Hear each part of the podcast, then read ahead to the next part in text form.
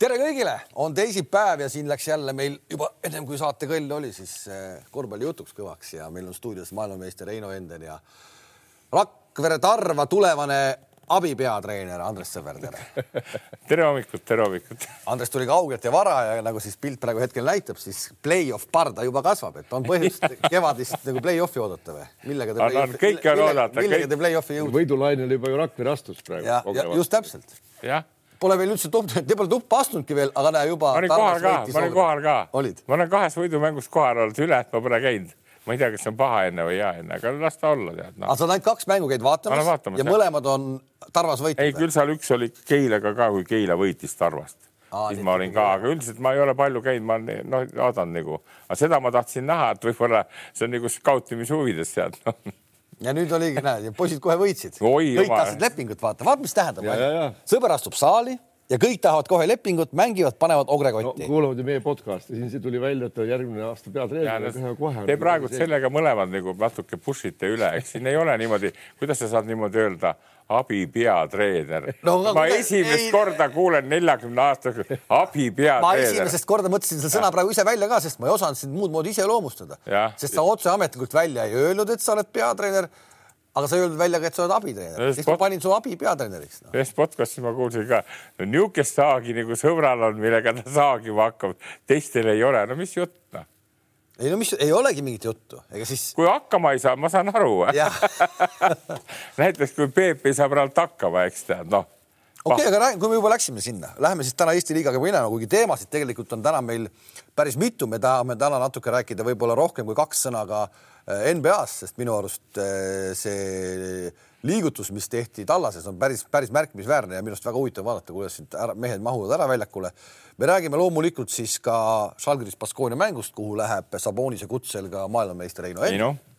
ja siis me räägime koondise nimekirjast, kus ma näitasin, et et Rain Veidemanni nime, nimi oli ka ikkagi veel normaalne, normaalne. et see on päris huvitav, et, et mitte, et Raini vastu midagi oleks, aga, aga, aga päris huvitav, huvitav ühesõnaga hakkame minema siis ja Keila kaheksa kaotust järjest. meie selline sügisene komeetmeeskond, kellele me kõvasti kaasa elasime, ei saa enam üldse pihta asjadele mm. ja ma saan aru, et peatreener Peep Pahv kogu aeg nur-, kurdab, et eh, vigastunud mängijaid on palju. aga jõuame nüüd asja tuumani ja mulle tundub kuidagi, et Pahv ei käi sellest meeskonnast enam üle Andres, kas sa oled minuga nõus või mitte? mina arvan, et ta üle käib sellest meeskonnast, aga, aga see käimine, mis sügisel oli, kuidas see komplekteeriti kaasa, kaasa siis ka vana grand old man Gerde, vot sellega on minu meelest mööda pandud. Need poisid, kes tal nüüd mängivad. aga siis ei käigi üle ju ah?, siis ta ei käigi üle, kui on, kui juba jonnimine käib, sa, sa väidad, et need välismängijad, Vitols ja siis see Radunitš või mis ta nimi oli? et need tegelikult võiks mängida küll Mm -hmm. aga nad ütlevad, et nad on vigased ja blablabla bla, bla, et, et, et asi tegelikult nii tõsine seal ei ole, nad võiks tead, mängida. tead, minu tegevus oleks väga lihtne, nii nagu omal ajalgi sai tehtud, sealt see meie tasemel üle kuu aega on alati etteütlemise aeg, ära loobumise aeg. mitte nii, et sa teed mingi kivikõva kevadeni lepingu. nüüd, kui lätlane juba poolteist kuud puhkab, ma ammu oleks tema asemel keegi teine võtnud, tead. Radunits ka nüüd ei mängi. muide, see on vana asi kui meeskond kaotab seitse-kaheksa kaotust, siis hakkavad nendel kuradi noh, nagu öeldakse, nendel põhimängijatel hakkavad jalad valutama, tead, eriti need välismaalastel. Reino, käib see nii või ei käi? ma ei tea, ei ole nii palju enam kogemust, et kas on nii-öelda, aga ega see võib olla küll, et ega noh, seal oleneb, oleneb, niisugune leping on tehtud ja kui kavalad nad on, ega nad keegi väga ju ei jah sa tead, et sa oma raha kätte saad, siis noh, on mingi vigastus. eks spordimehe, spordimehe hinge täna ikka tänapäeval väga lihtsalt nagu enam ei leia no,. Kes... sellel tasemel ma arvan küll jah, just. ja nendel, kes tulevad siia raha teenima oma tuhat viissada, kaks tuhat eurot. kõva raha. saad aru ja siis noh, on see kõva raha igal juhul nii ja kui see meeskond saab tappa, nagu ta saab, eks, siis tal järgmine aasta ka eriti ju mingisugust väljundit ei saa olla, kui välismaalasega koos. ei no kui sa oma numbrit teed normaalselt. no aga kui sa ei ole väljakulgi üldse. no aga siis tule väljakule no,, siis seal, sa ei saa ju. seal, seal võib olla sees ju midagi, me ei tea täpselt, eks ole mm., jällegi ega kõiki neid nüansse me kunagi ei tea, millest on ju võib-olla ühest mingist situatsioonist on ja võib-olla need on omavahel sõbrad ka, Vitor Tulits. no mina, mina arvan nii, ma olen neid asju kogenud ja, ja ma paneks kohe fakti ette, see on üks asi, teine asi ma Peebuga rääkisin siin ka alles hiljuti ja ma ütlen veelkord, et ta on tubli töö ära teinud teisest liigast, esiliiga, esiliigast meistriliigasse. Need poisid, kes tal praegult, need Eesti poisid, Kasemets, need on kõvasti edasi läinud tegelikult selle aja jooksul. aga nüüd selle komplekteerimisega mitte mööda ei ole pandud, aga edasitoimingud on nõrgad olnud, tead nii. ja siin peaks olema nagu kerde mees, mitte niisama seal seisma ja, ja, ja ma ei tea, kirjutama või joonistama, vaid, vaid andma seda nõu, nagu ma praegu räägin, eks tead. siin peaks mees asemel olema juba ja mängima, tead noh, sest need poisid, need üksinda nad vea, ei vea välja lihtsalt noh teistel on välismaalased igas võistkonnas kaks-kolm-neli tükki tead, võtame siin Rapla. ei no selgelt ei vea välja. See... muidugi ei vea, no ja, ja seda on kurb vaadata lihtsalt mees, kes on kõva töö ära teinud. no nüüd paisatakse talle ka igasugust kuradi kõntsa kaela tead, aga ma veel kord ütlen, et, et äh, rahulikult võtta ja, ja hooaeg läbi mängida ja et ega siin ju pole ju mingit tulemust ka kuus võitu, nendest kaks võitu on ju Rakvere Tarva üle, noh praktiliselt on nad siis nagu neli võitu saanud. Raul Tarvas pani Ogrele ah?. praktiliselt, ma ei saa aru, miks seda Tarvast, Tarva võit on Tarva võit, võida Tarvas kõigepealt ära, näe Ogre ei võitnud no see, ma ei oskagi seda öelda, seal mõned nii spekuleerisid ka, et võib-olla mingid värgid käivad seal, aga ma vaatasin seda mängu ise ka ja noh oligi, oligi imelik vaadata ausalt öeldes seda, et need nagu ei mänginudki need Ogre mehed, tead noh, head, head tüübid on ja kaks ameeriklast tagamängija. et tundub, et natuke nagu kärsahaisu siin nagu äkki sees. ma ei tea, ma ei ole kunagi. kokkulepetega või? ma ei, ma ei, ma ei ole kunagi, kunagi mulle on neid kokkuleppeid ka pakutud, tead, mida. räägi ah?, räägi sellest. lihtsalt tuldi ja öeldi, et kuule, et, et annad selle mängu ära viis tonni, annad selle mängu ära kümme tonni. tõsi ka või? no täitsa tõsi noh. millal see oli? see oli ammu-ammu seda ei juhtunud, ma ei teinud seda tead, no ja kogu lugu ja siis mind tõmmati veel letti korvpalliliidus ka.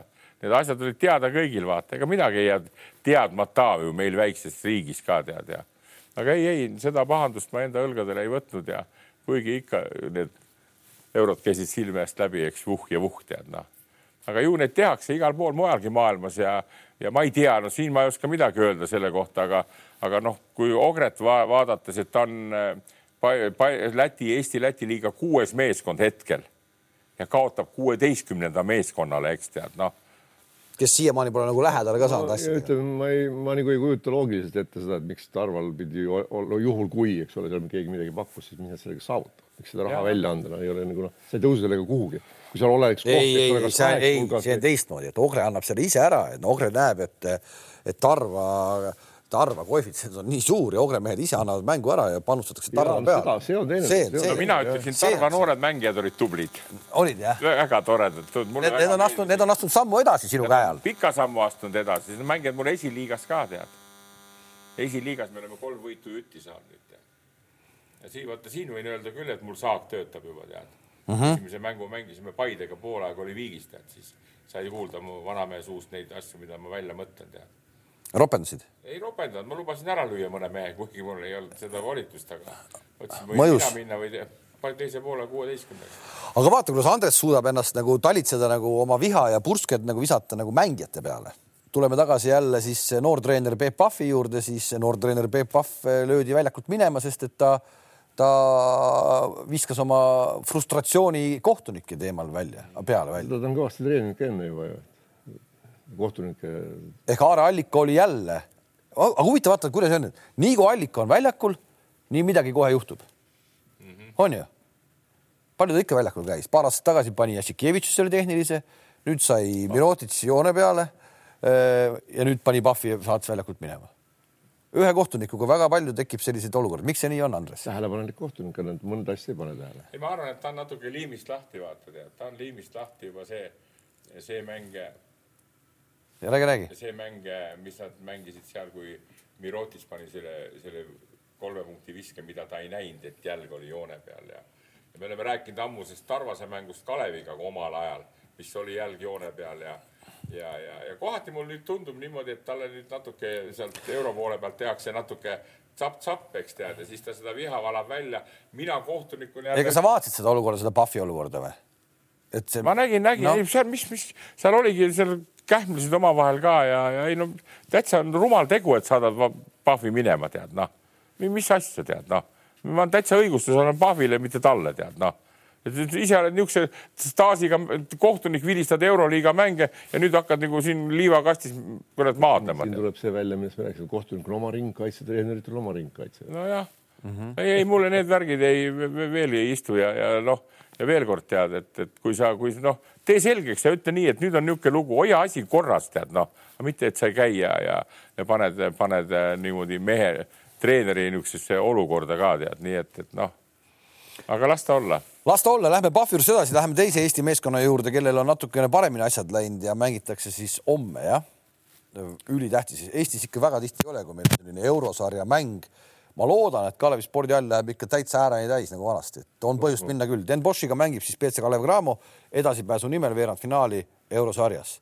kodus kod, võõrsil nad kaotasid tegelikult nad mängisid võõrsil selle satsiga enam-vähem okei. Okay.. võõrsil mängis, lõpp ja lõpp läks käest ära, eks, et äh, Kalevi šansid, vahepeal mulle tundus, et Kalev on nagu mingis augus mm.. aga praegu vist nagu natukene jälle see Saksamaa mäng ja see kõik näitas, et jälle nagu asjad nagu toimivad või? No arvan küll jah, et eks seal tundub, et natuke nad seal ka niimoodi keskenduvad nagu teatud mängudele rohkem ja teatud mängudele vähem, et ütleme siin Eesti-Läti liigas võib-olla. ei no seesama Neibel või mis iganes selle liiga nimi no, oli, veel kord ma räägin Kalevi Cramo jaoks, miks seda liigat vaja oli. teised satsid, ma saan aru, miks Tartu mängib seda või Rapla või keegi, ma saan aru, aga Cramol ei olnud seda vaja mängida. Ja siis need mängud lastigi nagu kuidagi lõdvalt nagu noh, et aga miks seda vaja mängida oli, okei okay,, nii, nüüd on see eurosari no ei, seal mina arvan, šanssi on küll ja, ja eks nad on oma panused pannud ja õnneks seal on ikka selline noh, ütleme, Heiko on, on taktikaliselt suhteliselt tugev, et ta oskab ikkagi need vead ja üles leida ja ja noh, nagu ta seal ka vist ütles eile kuskil mingis intervjuus, kas oli Aktuaalsele Kaamerale, et kaitsest lähtuvalt ja siis tuleb ka rünnak, noh ja eks ta nii on olnud ja eks ta nii on neil tulnud ka noh et kui nad nagu, kui nad nagu tõesti tahavad mängida, et see Kasi, Kasitepi vastu no nagu väga ei olnud tuju kellelgi. Nad olid, sama... vist mõttes selle enne ära kaotanud juba ja noh.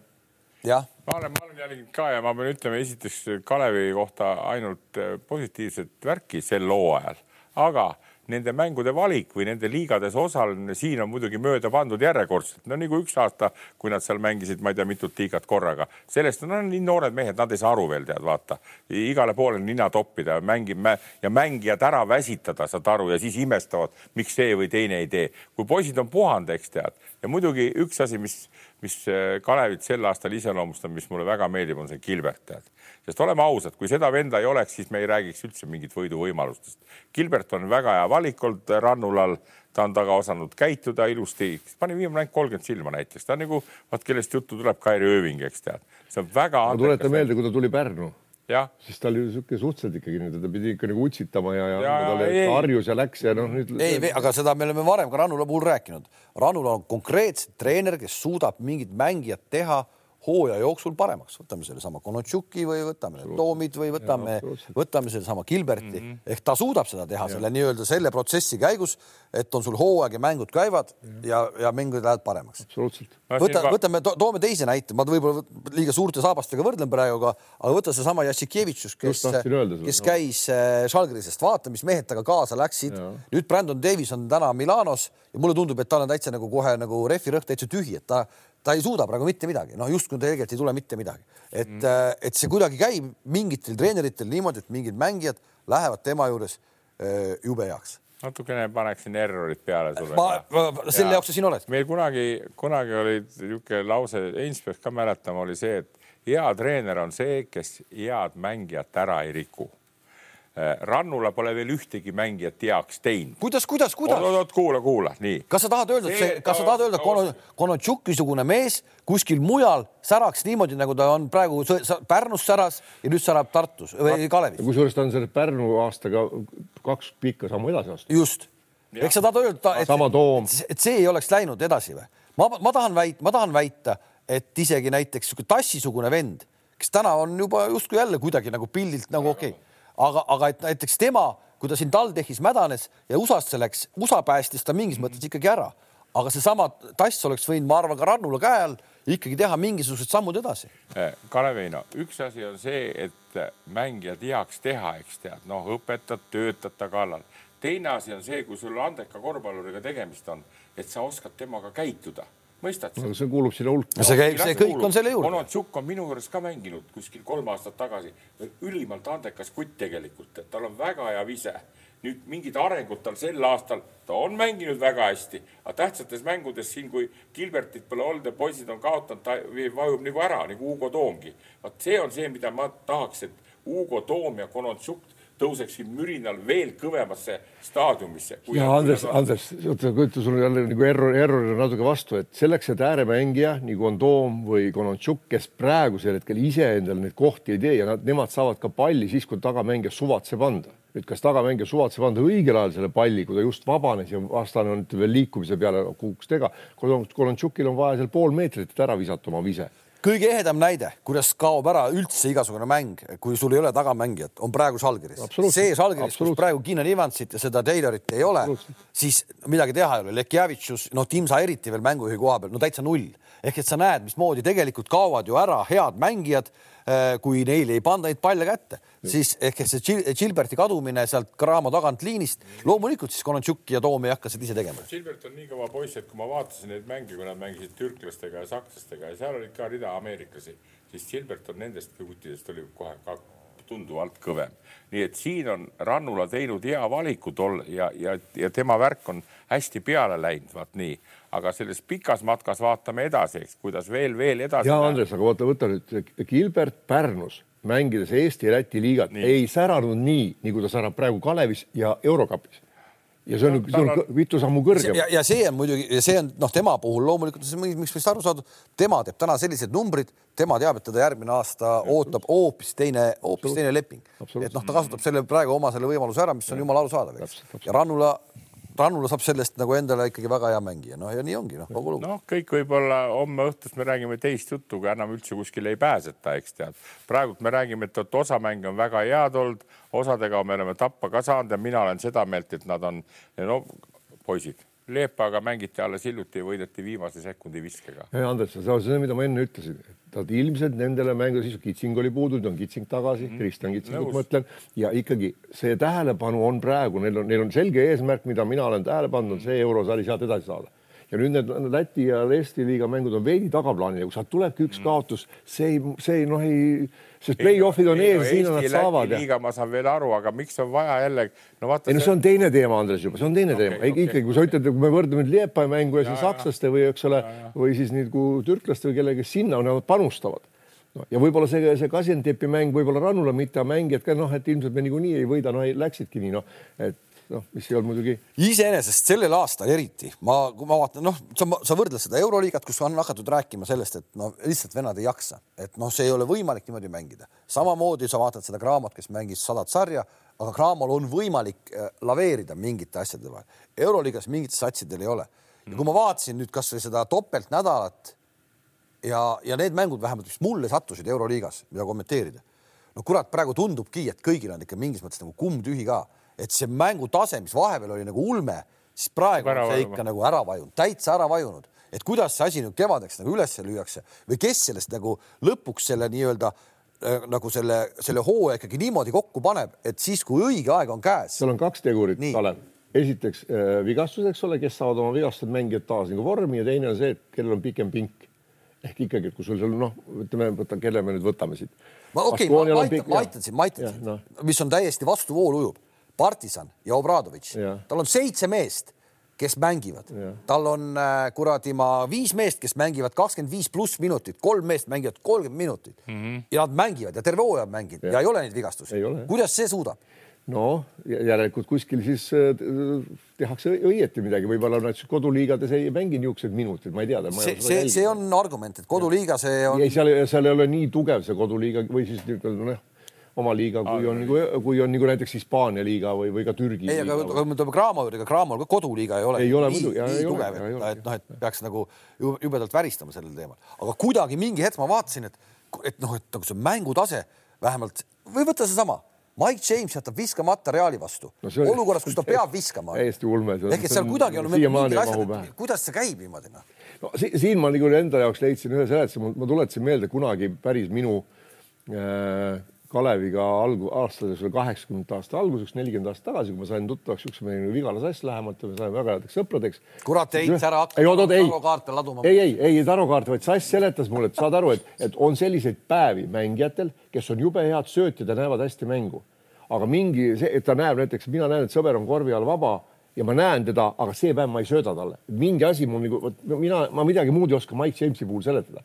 kui sa oled kolmega taga temasugune mees, kes ka üle käe virutab peale, kui pall on käes, nüüd kuue meetri raadiuses ei ole kuskil ühtegi mängijat ja sa oled kolmega taga ja sa saad kolmese joone taga palli ja söödad ta ära et noh, vaadake üle, kes ta mängu ei näinud, see on täiesti ulme. eriti et... veel olukorras, kus ta eelmises mängus Madridis pani ja. sellise kolmese koos kuradi veaga. üle käe, no Tavarese käe, käe.. No, ma, ma, ma, läheks natuke veel tagasi sellesse Kalevi värkidesse. veel, veel, et, et, et mina tahan eelkõige seda näha, ausalt öeldes mind see eriti nagu maailma lõpp ei ole, kas ta homme õhtu võidab või kaotab, saavad edasi, võidavad või kaotavad. mul on tähtis see treenerina, treeneri pilgust vaadata, et Toom ja Konontšuk tõusevad Eesti koondise selgeteks korvpallimängijateks. kuna nad on nüüd saanud mängida neid Euroliiga eh, noh, mitmel tasandil mänge, see on see kõige tähtsam mitte et nad ei vajuks sellele tasemele, et, et noh, seal on teised niikuinii on Kitsing ja, ja Torbek, kes on oma taset nagu hoidnud tead ja, ja, ja. Andres, vaata, aga nende, tead, et selge see, et tõuse, aga kui sa nüüd vaatad nagu Toomi ja, ja Kolontšuki ampluaad, eks ole, kus on nad mängivad, on, ei mitte seda, vaid kes neil koondises ka ees on Treier, Trell, eks ole, hakka lugema, kes seal on ikka kõva.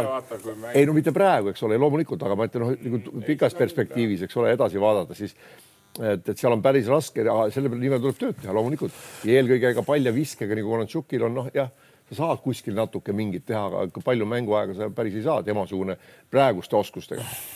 ehk siis, kui me läheme jälle selle sama rida pidi edasi, kui me vaatame seda, kes mingil hetkel hooaja jooksul kaotab ja mingil hetkel hakkab võitma, siis äh, sellist nagu positiivset laengut või sellist nagu näit-, rivi näitab praegu meile, kes koduliigas on TalTech mm. -hmm. see, kui ma käisin ka vaata Liepaja mängu, läksin vaatama ja, ja ma imestasin, kurat, seitseteist kolmest visatakse mängust sisse ja kust see järsku tuleb nagu niimoodi, panevad nii hästi kotti.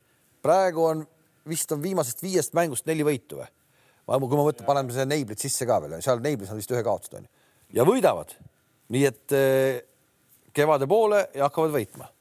ei, tal on head poisid ka, selles mõttes on head poisid, et need kolm tükki, kes seal taga on, Kluditis, Ilves ja Pehka, eks tead, ja, ja mängu see stiil on nagu üles seatud sellele kiirele mängule jookse ja viska tead, nii et, et noh, et siin neid aukus olemisi on olnud päris palju, nüüd on see tõusuaeg, noh, kevadeni vaatame, kuidas ta seal. äkki see ikkagi Nad mängivad tõesti siukest nagu päris selline nagu vähemalt nii palju, kui ma olen vaadanud, mängivad siukest päris sellist nagu ägedat nagu mängu tegelikult, kui see mäng jookseb. see on üles-alla vaata. ja kui see mäng jookseb, siis on see jube äge vaadata. Ja aga vaata sama, sama on natuke nagu, kui sa noh, mitte nüüd ma ütlen mängu tasemet ei tõmba paralleeli, aga on ka Real. kui Realil mäng jookseb, lased kiired joosta, lased nagu kolmest pirutada mm, -hmm. need virutavad sisse, nendega jube raske mängida.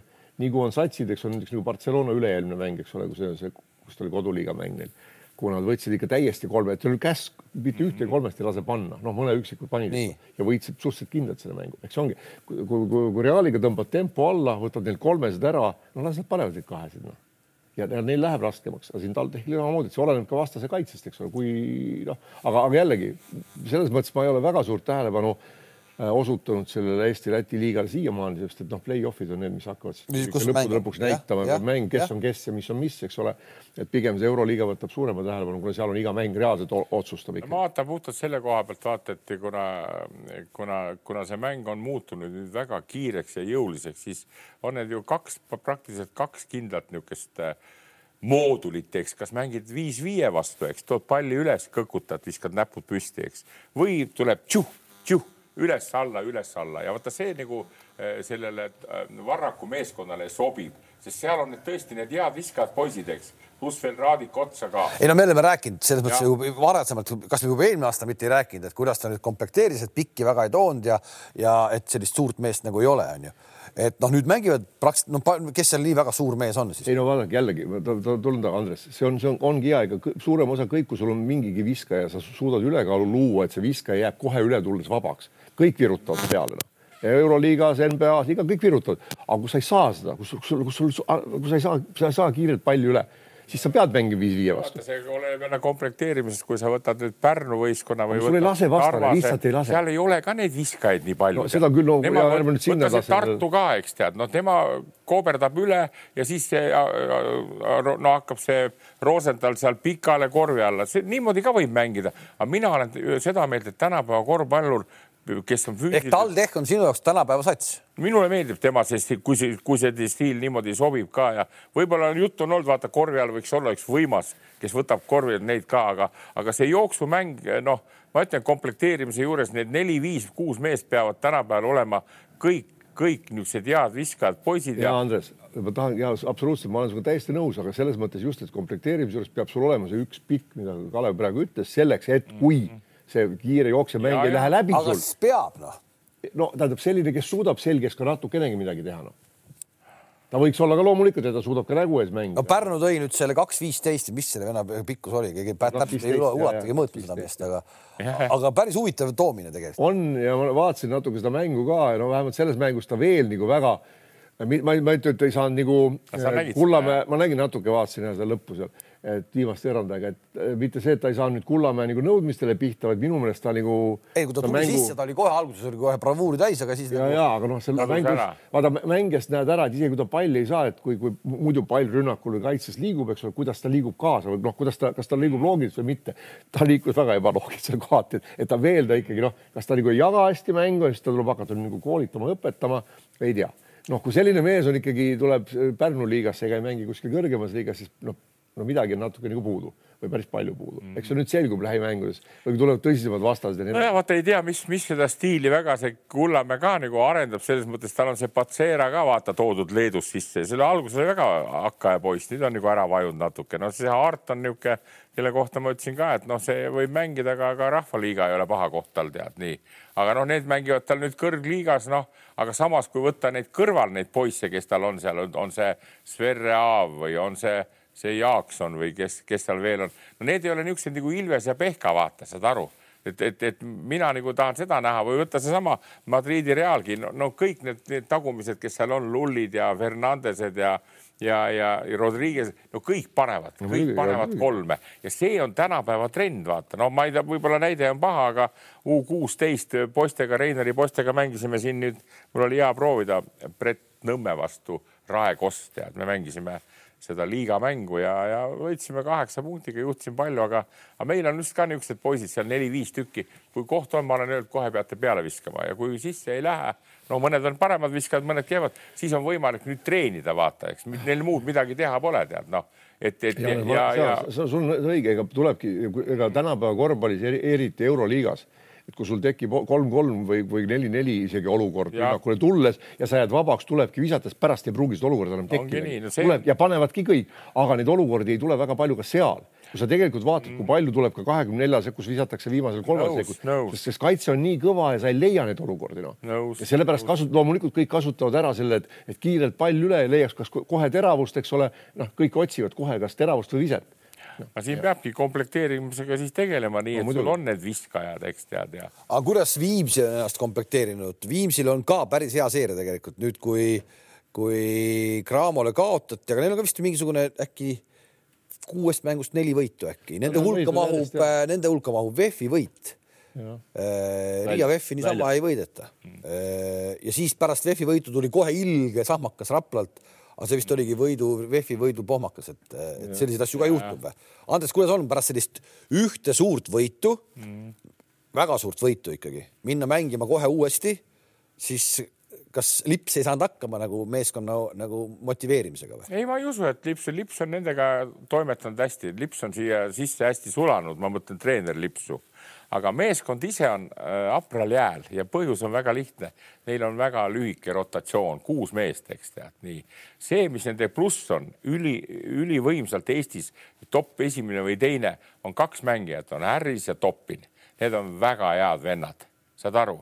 nii, ja nüüd kõrval on jälle ka üks viskaja Aller, kõrval on ka üks viskaja Post, eks nii ja, ja, ja nüüd on see noor Rikbert tulnud ka, aga nad on tihtipeale niimoodi, et noh, nad ampsavad ära need võidud. huvitav on näha, kuidas nad hakkavad play-off'is seeriaid mängima, seeriaid mängima, et kas nad siis on nii, et, et praegult on noh, nendel vaatame, loodame, aga, aga jah, need võidud, ma vaatasin seda Keilaga mängu just ka, seal ei olnud mitte midagi, seal oli, oli kolmveerand mängu oli niisugune päris kõva pusimine omavahel käis, kusjuures ma ütlen, Keilal puudusid need veel kaks tükki, eks tead, aga, aga, aga kõik need. ei no lõpuks pandi ikka seal ju mingi kurat. no las ta olla, see lõpus sa võid viie minutiga võib kolmekümneseks. ei, aga seesama, see Viimsi, mille me rääkisime nagu partis, noh, me toome täna vaata võrdluseid Eesti mm. ja, ja Euroliiga, tegelikult mingisugusest saab tuua igatepidi, et tase tasemeks, aga just sa vaatad sama Viimsi mänguminutit, sa rääkisid, see mm -hmm. Harris on ju mm, -hmm. see mängib kolmkümmend neli minutit. Toppin. Toppin mängib mingi kolmkümmend kaks, Lips mängib ka kolmkümmend, pakun keskmiselt, et noh, tegelikult päris pikk hooaeg on ju. Nad on mänginud täna vist koduliigas äkki juba kakskümmend kolm mängu või midagi sellist, et päris kõva. Nad on hästi mänginud ja nad on tublid olnud, ainult küsimus on see, kui mõne teise meeskonna puhul sul niisugust hirmu nagu ei ole heas mõttes, siis nende puhul on, saad aru, noh nende puhul sa. Kalev, vaata, sa enne tulid selle partisani ja nagu viimseks, nagu partisan eelkõige, kuidas ta suudab nagu mängida, suudab ka võita, eks ole, seal kuue-seitsme mehega enam-vähem noh. et äh, siin oleneb hästi palju treenerist. ehk selge see, et kui sa mängid äh, isegi iga nädal, noh, paar mängu ikka ja kui kõik need vennad panevad seal kakskümmend viis kuni kolmkümmend viis minutit, siis ei, ei, ei pruugigi midagi juhtuda, juhul kui treener ei lase seda ühte vahetust või nagu, nagu tänapäeval ühte setti väljakul liiga pikaks, liiga pikaks minna, et sa jooksed ennast piimappele ja siis, kui juba lihased ja, ja liiges on piimappel, et siis hakkavad. ei no kui sul keskmine on kolmkümmend neli minutit, võtame Devin Harris, kolmkümmend neli koma kuus minutit, võtame Karl-Juhan Ööps kolmkümmend kolm. ei oot, oot, oot, siin on teine, siin on teine tempo ka. siis ei saagi lühikest äh, setti olla ju. no eh, isegi selle kolmekümne nelja minuti jooksul või kolmekümne kolme minuti jooksul on seitse minutit aega sul, et anda neile minutilise pooleteise neli tükki, viis tükki ja sellest piisab. ta läheb, istub maha, loob natuke vett, laseb korra lõdvaks no, no. ja, aga sa pead tegema seda õigel ajal et see, see mitte nii, et mul on nagu kirjas, vaid sa vaatad, kui mängija ise annab märku vahetusest, see on juba hiljaks jäänud, selgelt, sest mängija tavaliselt annab mängu siis, kui ta tunneb, et ta üldse enam ei jõua. ja siis, siis, siis ta ei, sa ei taastu ära ka selle ajaga. aga kui sa võtad sellesama partisani, selle Lesordi, et äh, sa vaatad, ta mängib esimene, ja ta virutab esimesel poolel, virutab põhimõtteliselt seitseteist, kaheksateist minutit mm, -hmm. teisel natukene vähem, aga ta kaob ära ka, vaata, ta reeglina kaob ikkagi. suur mees väsib kiiremini, see on üks asi mm, -hmm. teine asi, noh, ma tuletan kunagi meelde, et äh, noh, selline mängija nagu Mihkel Tiks oli meil, eks ole, kes ka noh, ta ei olnud nagu füüsiliselt tugev, ta väsis ka hästi ja kogu aeg, et ta ei jõudnud ka nagu taastuda, siis me mängisime vahepeal ka kuus mängu nädalas, eks ole, mäletad mm -hmm., viis või kuus mängu oli, oli tuur meil kohe aga, aga see oleneb mängija lihastest, näiteks mina, mul oli vaja vähe massaaži, mul on pikad ja venivad lihased taastuvad palju paremini kui pikal mängijal. teine asi see, kuidas mängija oskab ennast nende pauside ajal, time-out'id, vabavisked, mingid seisakud, osab, oskab ennast üldiselt lõdvaks lasta, et sa ei ole nagu kogu aeg käi ringi ja nagu noh, nagu mulle tundub, et Ulanov on vahepeal niimoodi, nagu kogu aeg on nagu pinges ja sa väsid kiiremini, sa pead lõdvaks laskma, suudad ka mentaalselt korraks lülitad ennast välja ja lähed uuesti tagasi. see on ülioluline ja see on nii individuaalne, et siin me ei suuda keegi nagu nõu anda. ma võtaksin selle võrdluse, kui te ütlete see Belgrad ja Viimsi, eks tead, siis ma ütlen veelkord, ärge unustage ära, et Belgradile ikkagi pingi pealt tulevad päris kõvad kutid, nad saavad küll vähe mängida, aga nad on Euroliiga kõvad tegijad, see Andušits ja Madar ja, ja Avramovitš ja, ja, ja, ja siis on Mailagits ja siis on Trifunovitš, need on kõik Viimsil noh, ütleme, on niimoodi, et need viis-kuus on väga kõvad, aga sealt vaata ka jõle kõva allaminek. aga ometi, aga ometi ta partisan mängib, sa rääkisid, et Smilagitšid ja Trifunovitšid ja, ja kõik, aga ikkagi ta mängib nii, et seitse meest mängivad kakskümmend viis pluss. vaata, kas Smilagitši mänguaeg on hakanud kasvama. aga on vaikselt. vaikselt ja, ta nagu pussinud ja, ja ta, ta on viinud teda sinna rütmi ja. sisse ja andnud algul natukene, kogu aeg on see kasvanud ja, ja, ja nüüd ta juba paneb juba üle käe kolme ja võtab kõiki asju ette. aga see ongi, see ongi sama asi, mida teeb, mida teeb ka Rannula, et ta nagu noh ta, ta ei, ta ei, ta ei sõima, kui läheb kehvasti ja võid ka nullimängu teha Gilberti puhul. Pärnus oli, ma algul vaatasin, mis, miks ta tõi selle mehe, aga siis teades Rannulat, sain aru, et teavad rohkem, eks ole, neil on mingi plaan temaga, näe, on plaan on toiminud, eks ole. ja mina praegu Obradovitši nagu usun, mis on üks asi, mis ma olen tähele pannud seda, neid mängijaid, kes seal tal on, see Panther ja siis Ledei ja Resort, need teda usuvad, need usuvad teda. tihtipeale treenerid on nii, kui, kui ma vaatan ka Eesti liigas või nii, vaatad, see, see, see mängija ei usu treenerit, ta võib mängida küll nii, nagu ta mängib. Ja, ja see, et, et, et Obradovitš võib ka mõned pakid läbi lasta, ei ole probleem, aga ta läheb pikas jooksus hästi. Obradovitš treenerina on kõikidest nende Serbia läbi aegade üles, natuke liiga üles puhutud treeneritest tema ei ole üle, ülepuhutud. ei kuule, vaata auto kappi no.. ei, aga ei, no see on üks, see on no. üks asi, seal võib ka natuke olla õnne. vastupidi, vastupidi, tema kuidas... tuules, tema tuules, võib-olla see ongi ne, natuke kogu muu Euroopa treenerite nagu kurb, kurb lugu, et tema tuules arvatakse, et kõik Serbi treenerid on, on.... ja seda nagu ma kunagi no. ütlesin, Stankovitši aega te push ja nad teineteist ka push ivad, eks ole, ise ja see kogu see agentuur ja see töötab, aga, aga noh, ütleks Svjatoslav Pessic ei saa minu arust lähedalegi Obradovitšile valgus on küll, Andres treenerina on no, väga nõrk treener. ja et need Serbia treenerid, ma tean ka neid ühte, ühte koma teist, neid vaata üks hea näide on see, kes oli Serbia koondise treener oli pikka aega see, kes ise oli mängumees kõva, mis ta nimi on nüüd, vaata, mängis veel. Džordževitš. Džordževitš, kas te vaatate, ta mängis nendega Euroopa meistrite finaalis selle Martsiljonise ja Sabonisega. väga mängija, mis ta nimi on? Džordževitš. jah, vot nii, tema oli pehmo niisugune tead, ma mäletan, kui Tallinnas mängisid ka siis enne mängu tead kahekesi seal selle kuradi, mis ta on, Theodositsiga lõid käppa tead ja nii ja lõpuks said mängu tappa Eesti käest tead noh. Nojah, ta üritas liiga sõber olla jälle võib-olla. Nikolits ja, ja või kes see nüüd see noh, kes see nüüd alles hiljuti ära suri, see Dušan Ivkovitš ja need olid niisugused noh, ühesõnaga need hoidsid kogu aeg, meeskond oli kõvas krambis tead, kas alati nii peab, aga see hoiab nagu selle mängu, et no Obradovitš on siin kohe super näide ja, ja noh, et, et. kuulge, aga nüüd siis reedel jah, Sabonise kutsel looži koht, Salgris Arena, Heino Enden kohal. meie lihtsurelikult vaatame, televiisor. vaatame televiisorist. minul veel isegi Rootsi ralli, nii et ma pean kuidagi pärast tagantjärgi vaatama selle, aga sinna läheb. lööbi ja tänaku vahel diilid seal läheb äh, siis äh, väga palju eestlaseid, ma, ma näen seda eufooriat praegu selle Just üle. Raplast läheb ka mingi. ei, ei no palju, palju, palju, palju, et ikka palju läheb eestlaseid, mis on väga tore. ehk siis Eesti poisid äh, lähevad ka väljakule ja, ja tegelikult mõlemale satsile on ikka nagu uskumatult tähtis mäng. ja mõlemal satsil nagu kõige paremad ajad ei ole.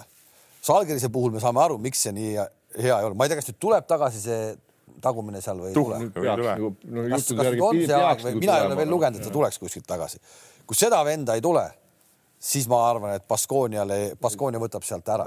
no nendel on kõvemad mutrid käes, ütleme no. nii. Nad, nad kuidagi ikkagi jälle nagu said jälle kuidagi jälle paar võitu. aga Andres, sa oled nüüd Baskoonia mänge vaadanud viimased, eks ole? ei ole, ei ole, ei ole palju. oleks võinud vaadata, oleks saanud vastuse oma küsimusele. näiteks, näiteks, et kas Kotsar oskab sööta või ei oska. mina väitsin sulle, et oskab ja kui sa oleks vaadanud tähelepanelikult mänge sa oleks veendunud, et tõesti väga hästi oskab sööda. nojah. aga ei, ja, ei oskab, oskab ja, ja ei ta, vaata tihtipeale on niimoodi mängijast kasvõi selle ühe, ühe, kui ta paneb ühe söödu sulle, kui sa näed ära, kuidas, kuidas see läheb, nagu Kotsar pani sinna pärast ründelaua võtmist selle korvi alla. noh, mitte see, et ta nüüd mujale vaatas, vaid et ta pani põrkesöödu meeste vahelt, see läks täpselt rinna peale, vana lihtsalt tõstis ära ja seda isegi Kotsar mõni pale tagamängija. Kotsar vaatas podcast'i ja siis äh, ütles, et Andres vaata no, ja, kui sa saatsid Andresele tervituse seal. Noh. sa ei näinud, ta lehvitas ka, sa ei vaadanud mängu. Kotsaril on oma teatud oskused, need on praegu veel piiratud, aga kuna tal on töötahe nii kõva ja asjalikult suhtub, siis tal võivad tõusta need tasemed veel ka nagu sööduoskuse pealt ja, ja ka kolme punkti viske pealt, mõistad sa?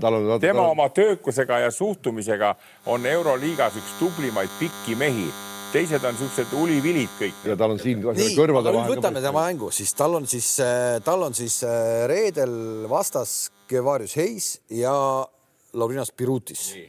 väga erineva puuga mängumehed. Hayes on vigadega kogu aeg kimpus. ma ei, ma kujutan ette, et tegelikult äh, Kotsari roll võiks olla päris okei okay selles mängus mm. -hmm. ehk see on see, kus ma arvan, Kotsar on korvialuses äh, tsoonis. on äh, nendest kahest mehest parem. paneme sinna selle Costello ka veel juurde tegelikult, et noh, et okei okay,, Costellol võib-olla Roland Smits on kuidagi küljes tal onju, aga just seesama Hayes ja Birutis ja need mehed mängib äh, Kotsar üle, ma julgen seda küll öelda. ega ma ka ei kahtle, sest ma ütlen veelkord, tema see ta on näidanud ja ta on jälle, jälle ma jõuan Ameerika juurde ka, ta on lõpetanud kõva ülikooli, ta on seal näidanud oma kõva töökusega, mis mängija ta on, Saksamaal tubli, nüüd samamoodi, kui hakata võtma nagu keskmist taset, siis ta on Baskoonias ka praegu top kolme oma, oma suhtumise, käitumisega nii nii et, et ma ei imesta, kui, kui ta mängib selle hooaja lõpuni kenasti ära ja tal tehakse mõnest superklubist, on see Real või, või nii edasi, noh, kui sa vaatad praegult näiteks. tal on aastaid leping järgi veel. tal on aastaid leping järgi veel küll, aga noh, seda saab üles osta. nii et, et, et, et sellega, sellega. aga Andres, miks ta Ameerikas ka nii tagasi tuli, kohe nii hea, siin hakkas olema Euroopas on see, et et ta on tark, ta on korvpalli IQ ja üldse ta on tark poiss ja ta oskas sealt Ameerika sellest, sealt korvpallist võtta seda, mis ta, mida tal vaja on, mitte kõiki, eks ole, sa ei pea kunagi võtma. ja ta tuligi siia, ta oskas selle ära. ma selle tarkusega alati, mulle hirmsalt ei meeldi seda, kui räägitakse, mängija on väljakul üle tark, tead.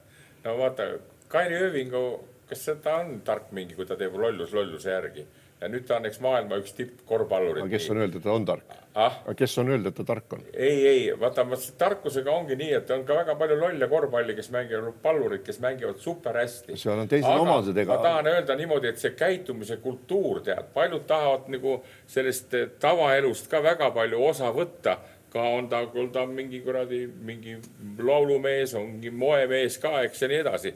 aga, aga vaata Kotseri puhul mulle meeldib see, et ta on sihuke rahulik vend, tead, ja, ja, ja ta nagu teab täpselt kogu aeg, kui ma olen vaadanud neid intervjuusidki on ta seal teiste Eesti poiste keskel ka, siis, siis ta, ta on väga mõtlik, tead, no ma ei paneks seda noh, tarku, kui panna ristsõnu lahendama, no kas ta oskab lahendada? ma räägin, ma räägin korvpalli IQ-st, ega ma ei räägi, aga ta muidu ka ei ole. kuule, aga lähme edasi selle, selle, selle just selle vastasseisuga, et eh, Brasteikis on võtnud nendel rasketel hetkedel väga palju enda peale ja hakkabki nagu no viskab sisse ka, aga see, kuidas ta üks-üks mängib, eh, no igast võimatust või võimalikust olukorrast ta mängib üks-üks ikkagi. nüüd paneb kolme ka.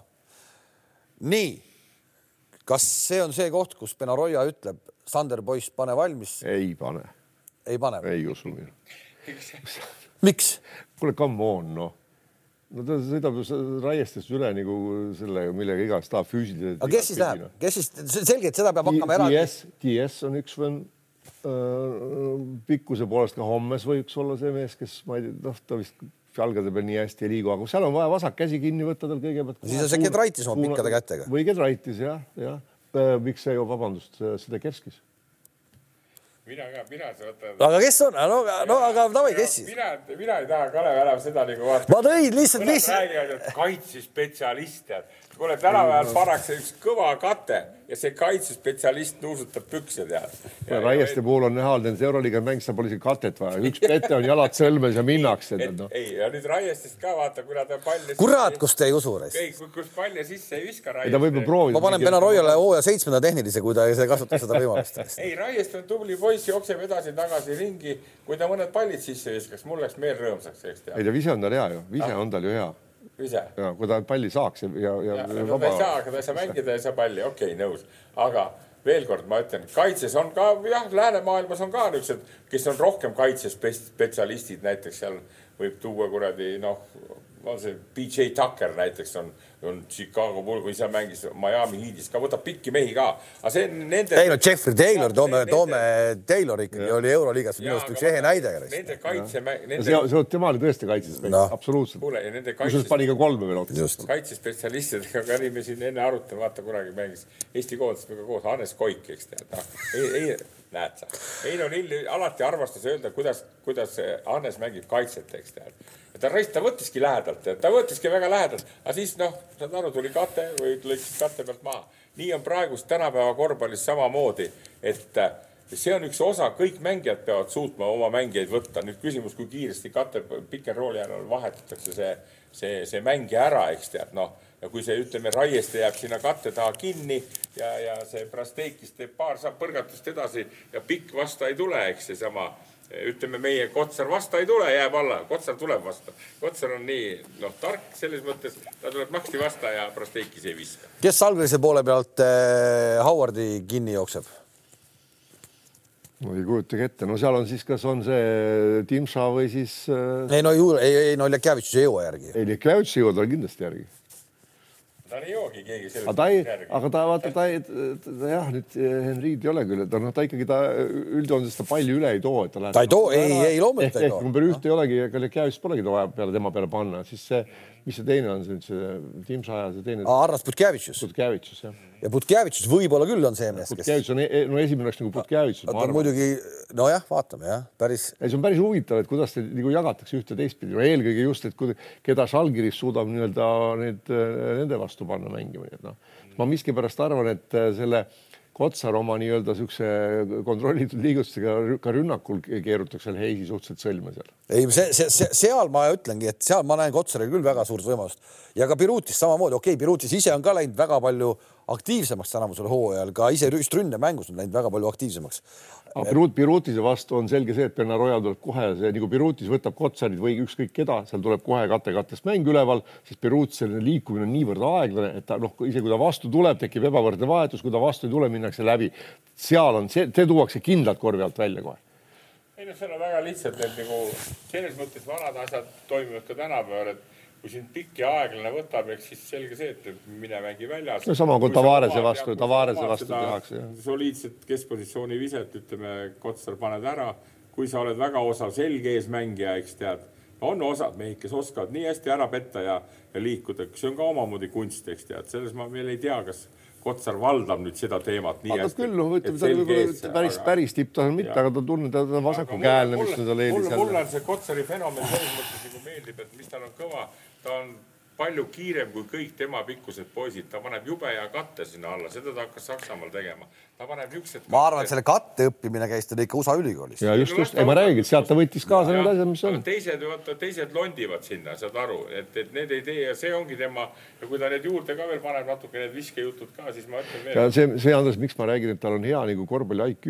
näitab ka seda, eks ole, et kui, kui sul on hea nina ja sa loed mängu hästi, siis saad sa ka temasuguse mehe palju ründelaudu. noh, viimases mängus said jälle kuus lauda, millest neli oli ründes, eks ole. noh, see näitab, et kui õigel ajal, kuidas sa oskad liikuda, et, et sind ära ei blokita ja õigel ajal liikuda no, õigesse kohta. Kotsari teema kokku ikkagi, ta on oma käitumisega, ma arvan, niimoodi selle Bernarroja südame võitnud juba, saad aru, siin ei ole üldse küsimustki. alguses oli ju vaata, kandidaat oli see Enok, eks ja siis. ei no alles ta ju ja, ühe ja, mängu istus ja, siin terve teise poole ära. kui, sa vaatad, Costello lajatas ka ühes mängus kolmkümmend ja rohkemgi silma, niisugust viskekätt ei ole, eks tead aga see, et muud omadused on jälle selle Costellol niivõrd palju kehvemad, et, et stabiilselt ta on ikkagi väga hea mängija ja mina ei ootaks mingit erilist, ma arvan, niisugust tasavägine mäng tuleb et, et ühel meeskonnal nagu. ega seal pole kellelgi lihtne mängida ja, nendega, see kogu see publik ja värk ja kõik seal. nii, et, et see võib ja kuna nendel ikkagi Baskoonial on natuke peale seda eh, Henri äraminekut on natukene on nii, nagu ta on, eks tead, seal ei ole nii usalduspõhjal. no vaatame, see saab huvitav olla. no ma ikkagi julgen öelda, kui Salgris jätkab sama koosseisuga, mis praegu on, siis see tagaliin on ikka nii õnnetu, et, et sealt ikka liiga palju, liiga palju on tulemas ei ole, kuigi see partisani vastu ka mingi hetk juba nagu tundus, et nagu oli ja siis ma, siis ma vaatasin, et siis äh, neljanda veeranda alguses tuli, siis kui see initsiatiiv oli käes, siis tegi Max Viitis, võttis neli ja. meest välja. kõik põhitegijad, kes, kes üldse hoo sisse said. absoluutselt ja. ja kohe tehti kaheksa null. sai ise aru sellest ka muidugi, aga hilja no.. kaheksa null oli kohe. Läks tagasi siis. Kristjan Kullamäe võiks täitsa ruttu ära võtta sealt pane Veesisest ja, ja pista sinna. Salgrisesse? Salgrisse jah. Ma arvan, täna ta ei jääks, täna ta, täna ta võiks seal oma minutid saada. ei jääks midagi, vaata siin ongi jälle veebruari lõpuni on ju need ka ju, eks need üleminekud või ei ole või?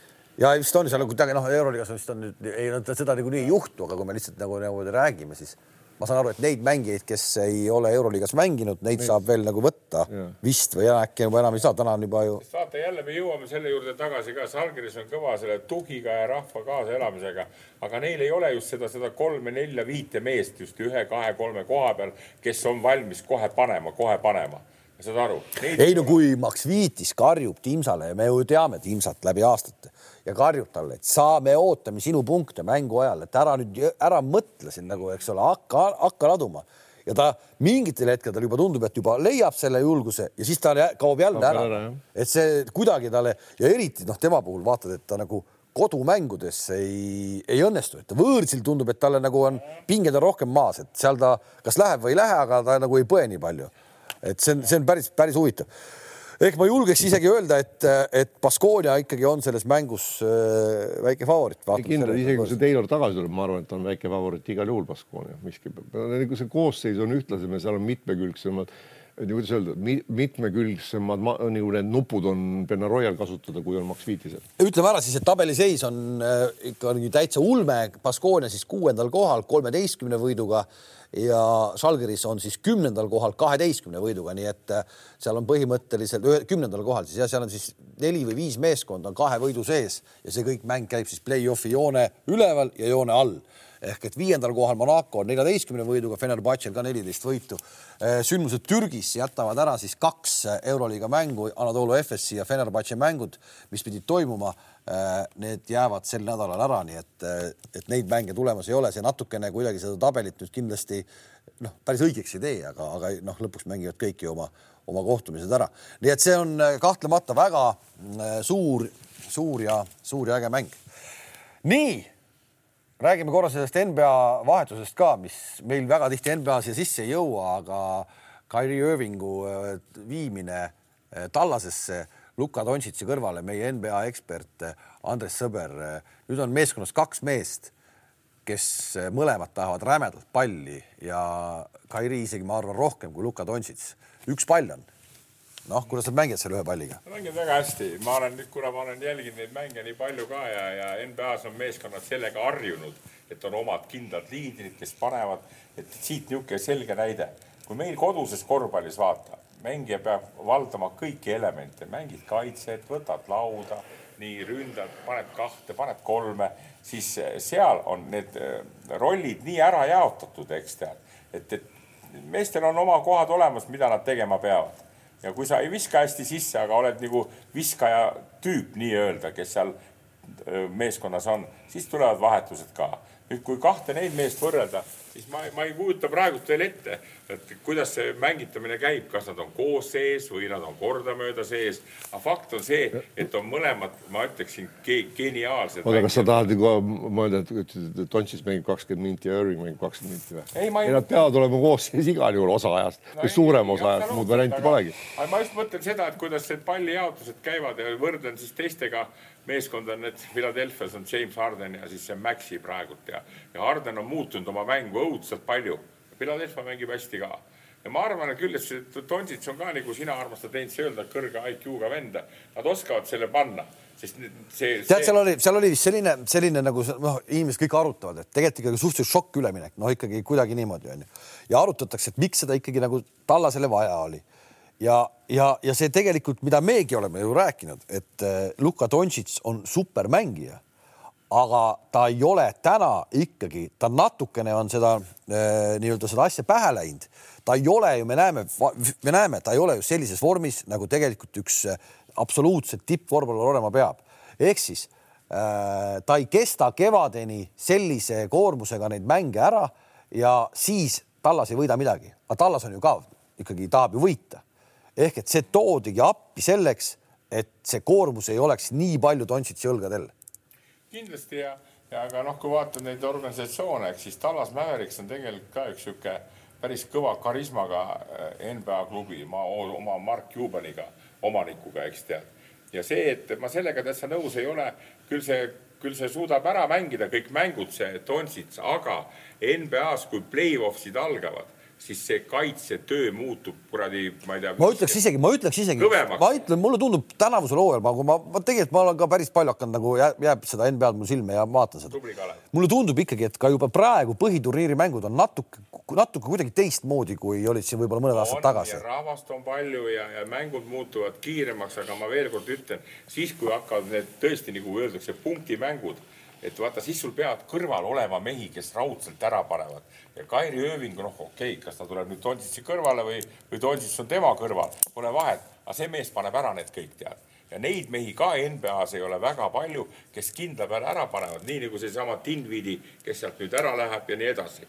Neid mehi on ka NBA-s igas klubis kuskil kolm-neli-viis tükki, ülejäänud on reamängijad, eks tead, ja sealt see vahetus käibki. kui te mäletate, siis noh, te ei mäleta niikuinii Chicago Bullsis, kui Bill Jackson tuli meistriks kuus korda.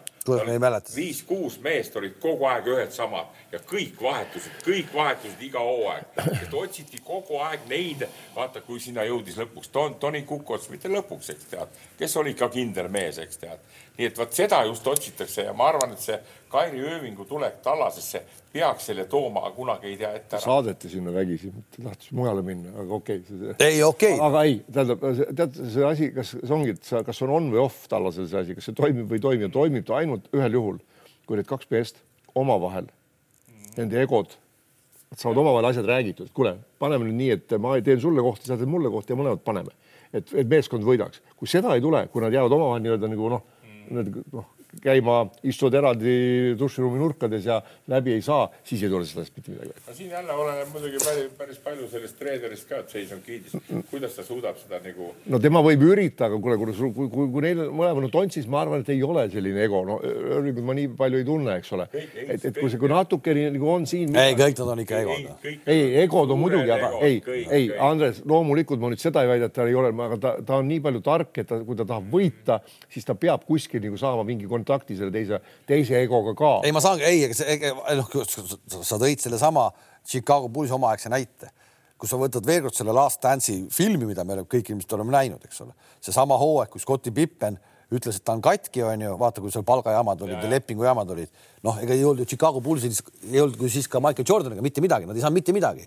sul on vaja ikkagi neid, see on meeskonnamäng, see lõpuks ei ole, see lõpuks ei ole ühe inimese mäng, eks. ma kujutan ette, et Dontšitši numbrid võib-olla natuke kukuvadki, aga kui selle arvelt meeskond ikkagi jõuab võit, noh, võidu nagu võitjaks välja, lõpuks on tema ikka superstaar. ei no samamoodi, kui sa tule, tuleta meelde, meil tuli kunagi Larry Bird või Magic Johnson, Larry Birdi kõrval Kevin McHale, mäletad sellist mängijat? mis ta siis nüüd oli suurte oskustega või? vaat kui kõva NBA mängija, tänu kellele, tänu sellele talle pandi kuradi häid sööte, sest kõik tähelepanu oli Birdi peal, eks ole, ta tegi, siis tuli kuskilt siit-sealt või jalge vahelt. just, just. see võib olla väga-väga selgelt võib olla see liigutus, see, ma ütlen, et väga huvitav vaadata, väga huvitav vaadata ja ma pigem arvan, et ikka Tallas tõusis sellega ikka väga selgelt praegu äh, potentsiaalseks ikka kaugele jõudjaks meeskonnaks. kaugele jõudjaks, just nimelt just. ja, ja ja ma vaatasin üks üht, ühte mängu jälle, mis Donsitsi puhul ka nagu mitte ei häirinud, aga vaatasin, ta oli küllaltki erke. kolm-neli rünnakut, ta lõpetas ära ja seal olid ka veamaigulised momendid, tead. iga kord hakkas seletama. ei, ta seletab kogu aeg.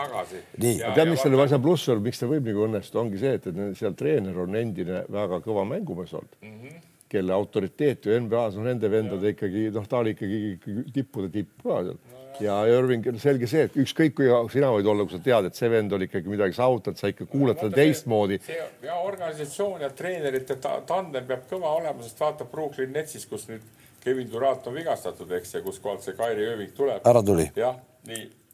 see Steve Nash oli ju peatreener, ka kõva mängumees, eks. no see, sellest taheti lahti saada. Ja nüüd pandi sinna üks habe asemele, eks tead. jälle küsimus on, kui kõva autoriteet ta tegelikult on, eks tead ja ja kas Kairi Ööving ka hindab teda või ei hinda ja üks süü ongi, põhjus on see, et nad ihkavad kõik ju niisugust kohta, kus saaks ju ikkagi seda sõrmust ka saada. kõik need, need nagu öeldakse, superstaarid ja aga kui seal vanas koduklubis oleks nagu hästi kõik, vaevalt ta siis lahkuks sealt ära, sest Durantiga nad mängisid ju päris süngelt, nüüd selle vigastus on nüüd. seal oli omanikega oli neil ju no ja need vaata, see on kõik. ja, ja ega siis oligi siis äh, seal oli ju omanik, äh, miks ta ei, ei saanud minna Los Angelesse selle äh, sinna mm, noh, Mike, mitte Mike Jamesi juurde. Lebron James. Lebron Jamesi juurde, sellepärast omanik ütles, et mina saadan sinna just sinna, kuhu ta ei taha minna. seal käis nagu väga kõva see ja. Lebron James teeb siis, millal ta teeb ära nüüd sel nädalal? see nädal peaks olema jah, see see, see moment. ikka kõva asi, midagi öelda ei ole. see on ikka kõva, kui sa ikka võtad läbi aegade kõige punktirekordi enda peale, siis midagi öelda ei ole ja need inimesed, kes ma vaatan just seda, seda hullust, kuidas ikka jänkid jälle turundavad ja kui selles mängus nüüd ei tule, ma ei, oota, kuidas see, palju seal puudu oli, ma ei. kuskil vist kuuskümmend või kuuskümmend kolm oli puudu, pani kakskümmend viis, seal on veel kolmkümmend kaheksa puudus. jah, nüüd see. ma olen sattunud viimastes mängudes ka öö, öö, öösel vaatama ja muide, Heinz, sulle positiivne tagasiside, Anthony väga-väga hästi teeb asju, tead, natuke ma juba tema pärast kuulan ka, tead, et kuidas üks noor mees on nii kiirelt õppinud ära ja noh, kusjuures isa ei ole NBA mees, eks isa on vana Moskva CSKA mees. ei, ei heas perekonnas kõik on tasakaalus, tead. ta on, ta on väiksest peale, mina küsin ja, tema ei, käest kõike, mis vaja on. sellega, noh, kui ma vaatan Eesti liigas ka mõningaid kommentaatoreid, siis ütleks, et seal Töötukassas on kohti küll, eks saad aru, no kes on jube, noh, saad aru, kuulata, aga aga, aga neid mänge vaadates jah, siis Lebroni need punktid, aga see Lakerski mulle, ma alati vaatan nüüd viimastel aegadel Lakersit, kui seal taga on see Schröder, eks ja ja on see siis minu lemmik, see Russell Westbrook ja, ja siis on Anthony Davis ja Lebron James tead noh. Ja kuidas nad ikka pööritavad ja teevad, vaata minust, mulle tundub, et nendel just see, mis puudu jääb koos selle oma peatreener Fämmiga või Pämmiga on see, et seda ei ole seda, vaata seda niisugust tõelist meeskonna niisugust hinge tead, aga küll nad on ikka, no on ikka võimsad. Küll, kui see Schrödergi no kui, kui, kui noh, jah, ja kui ma siis mõtlen, vaatan seda ka isegi Hispaania liigat, eks tead, ja mõtlen nagu siis seal, seal on need vahed. Ja see on see, mis kuradi paneb nagu noh, jah. Anthony on siis äh, pulkade vahel täna hommikul, öösel, vabandust, homme hommikul siis kell, ma vaatan praegu enda sellest protokollist järgi, mis kunagi ei valeta, kell viis null null algab siis Oklahomaga mäng ja, ja on oht, et võiks puruneda siis rekord. Lakers mängib, nii et äh, kellad helisema ja TV3 Sport näitab siis seda mängu ka.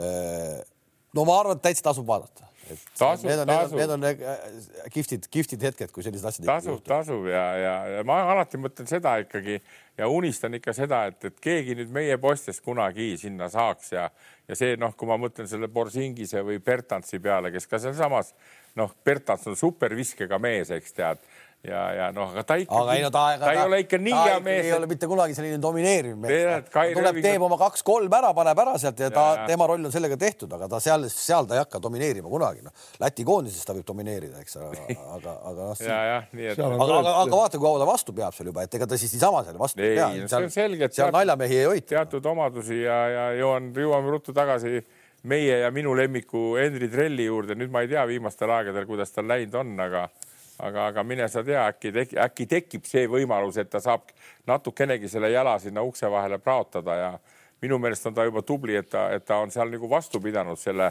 Ameerika stiiliga, sest ega siis ne, see stiil on ühesugune seal, on ta seal C-liig või, või on. ma just kirjutasin talle ükspäev, küsisin ka, et kas poolaeg oli kuuskümmend minutit, kui nad kaotasid vist sada nelikümmend neli, sada kolmkümmend kolm oli. no läks siukseks mänguks, noh. üle ja kiire. lõbusaks mänguks. kuule, aga Eesti koondis äh, on kogunemas ka, küll tegelikult äh, me jõuame ühe saate veel ennem teha, kui Eesti mängib Sloveeniaga ehk siis kakskümmend kaks veebruar kakskümmend neli veebruar mängib, aga see koondise koosseisu äh, roster tuli välja, kes siis kõik kutsuti ja noh, oleme ausad, et me olemegi nüüd praegu ikkagi sealmaal, kus väga paljud meie poisid jätkuvalt ikkagi tulla ei saa, ei ole praegu kutsutute hulgas ei Kotsarit, ei ei siis Raiestet, loomulikult Kerri ei ole, loomulikult Hendrit ei ole mm -hmm. ja, ja ja nüüd me olemegi siis tegelikult väga suuresti ikkagi koduliiga meestega, et äh, välismaalt on tulemas siis äh,, ikkagi on, Kasper Suurõg tuleb Padalonast äh,, on kutsutud vähemalt, on ju. ju äh, siis äh, Mikk Jurkatam tuleb. Treier tuleb vist või on kutsutud ka? oota, ma vaatan kohe. Treier Kullamäe. Riismaa on kutsutud. Siim-Sander Vene tuleb ja Treier ka, ei ikkagi see punt on kõik tuleb, et nad, need ikkagi saavad tulla no ma komplekteeriks seda võistkonda natuke ja ma tahaks just, et, et see viisik oleks olemas, viis meest nagu on seal Kullamäe ja Jurkatam ja Riismaa ja, ja, ja mul on väga üle, Raiv Veidemanni noh, nagu moment tekib jälle ka, et ta saab tulla ja võib-olla saab koosseisu. aga mis selle asja point on? No.. ma, mina just mõtlengi, Rai, mulle mis selle point on? ei, ei, nagu... ma olen nõus sellega, et okei okay,, aga, aga, aga, aga noh, kui sa vaatad, kuidas ta nüüd mänginud on, eks teeb oma kakskümmend silma ära kogu aeg. Andres, mängud ei tähenda midagi, annaks mõnele nooremale, lihtsalt prooviks ära no. pane kasvõi seal, pane, mina ei tea, nagu Kolontšuk, pane sama koha peale mängima, siis mängib vaata, kuna Rein, tema vaata siin on jälle ka veri. ütleme ja need on alles kandidaadid ka tegelikult, eks ole, võib-olla ta on igaks juhuks pandud, järsku mõni ei tule või midagi saab vigastada. ma just Kalevi käest enne küsisin, et keda ta paneb kommenteerima. mitte sellepärast, et mul veidi, mul on veidi. ma võiksin ka olla koos, eks saaks nagu otse-eetris nagu rahulikult ka nagu siis arutada, eks saad aru, kuidas läheb, eks tead, Toiala järjekordne katse, eks tead, noh, kui need mõtted nagu erinevad, vaata, saad aru, noh et siis ütleks, et miks see mees koosseisus ei ole. ma ei taha seda lasta, vaata, me, me tahame, korvpallipublik tahab saada positiivsust äh, mängu ajal. ja ei, mul ongi. aga pärast mäng on positiivne, aga, aga treener saab nagu pärast, natuke puida alla. pärast, äh, pärast mängu siin podcast'is siis pritsime. ja, jah, aga ei no vahel võiks nagu olla, et näiteks Ajuga mulle väga meeldiks koos teha, eks saad aru, tead, kuidas tema nagu nendele pingetele vastu peab. Heits, sa oled ju teinud Tarmoga, eks Tarmo on nüüd harjutanud ka tükk aega. vaatame, kuidas ühesõnaga tegelikult ma arvan, me saame sellest koondisest rohkem rääkida just kahekümne teisel veebruaril, siis kui. kahekümne esimesel. kahekümne esimesel jah, vabandust, kakskümmend üks, sorry, see on teisipäev. et siis äh,, siis räägime vähe täpsemalt, eks siis on rohkem infot ka, kes ikkagi lõpuks, lõpuks kohale tulevad ja kes ei tule. loodetavasti need kaks nädalat nüüd kedagi nii-öelda äh, katki, katki ei tee. jah, ja ma ütleks ühe hea asja ka, me riigi medalid jaotati Alar Karis ja Kangur võttis ära. ja Kristjan Kangur sai siis korvpallurite poolt selle ordeni, et väga, väga uhke värk. no kuule, õnnitleme Kristjanit ka selle puhul ja näed, mees mängib edasi tead. ja ikkagi mina olen väärikas valik. väga väärikas valik ja kui ma vaatan näiteks, et Jaromir Jaager on viiskümmend üks, eks tead, ja mängib Tšehhi liigas seda Okit, Okit ei tee kehvasti. siis ma arvan, kangurile lõdvalt neli-viis aastat veel. ei no käsipalliliigas tegi teise comeback'i siin Risto Leppi, et sa teaksid seda. oota, jah. ja ei teaks, Jaager üritab seda Gordi Howe rekordit üle panna, palju see mäng oli üle viiekümne, eks ole, ta poegadega koos veel mängis ju. ei, kui sa NHL-is. ei, aga Jaager tegi, ma vaatasin kuskilt keegi kirjutas, ma vaatasin, et, et täitsa nagu ikkagi teeb punkte ka seal, niisama mingi naljamees ei ole seal ehk et eh, Valmo Kriisal ilmselgelt on Rockiga tõusmine kõigepealt nüüd esiliigasse, eks ole, vaja ära teha. see vaja veel üle elada, seal loopida kakskümmend viis keskmiselt ja siis meistriliigas. see ma veel kord meie noortele korvpallimeestele ka koondise tasemel kuttidele, et see on, see on pikk jooks, tead. vaata meil omal ajal hästi ruttu lõppes ära, tead kakskümmend seitse, kaheksa, üheksa, eks. aga nüüd on nagu kolmkümmend seitse, kaheksa, üheksa, tead. kui sa oled, kui sa oled, kui sa oled äh, distsipliiniga mees. jah, kui sa oled distsipliiniga, ei hakka üles lugema, mis vaja teha selleks on, eks tead. ja, ja siis sa leiad ka lõpuks, et võistkonnad ja treenerid, kes su eest äh, väga heasti hoolt kannavad, nii et hea näide on praegult meie seesama, keda sa vaatama lähed, Kotsar Maik Kalev, eks, kes on, on oma käitumisega nii Saksamaal tegija vend, eks, kui ka nüüd äh, Baskoonias. ega siin midagi, soovime Einsile head reisi. aitäh. kadedusega jääme kaasa lehvitama siit kodumaalt. tervita kindlasti. Sabonist. ei, ära Sabonist. tervita Mait Kalev Kotsarit, ütle, me oleme fännid, kõvad podcast'is, tema fännid. ja, ja ootame siis kingitused taga, kingitustega tagasi, eks ole. et Heino tuleks, tooks ja, meile ka kingitused. mõned kingitused. jah, okei okay.. on ju, ära siis alt vea esinda meie podcast'i siis välismaal hästi. ühesõnaga, äh, me kohtume teiega kahe nädala pärast, oli tore nagu ikka ja äh, vaatame kossu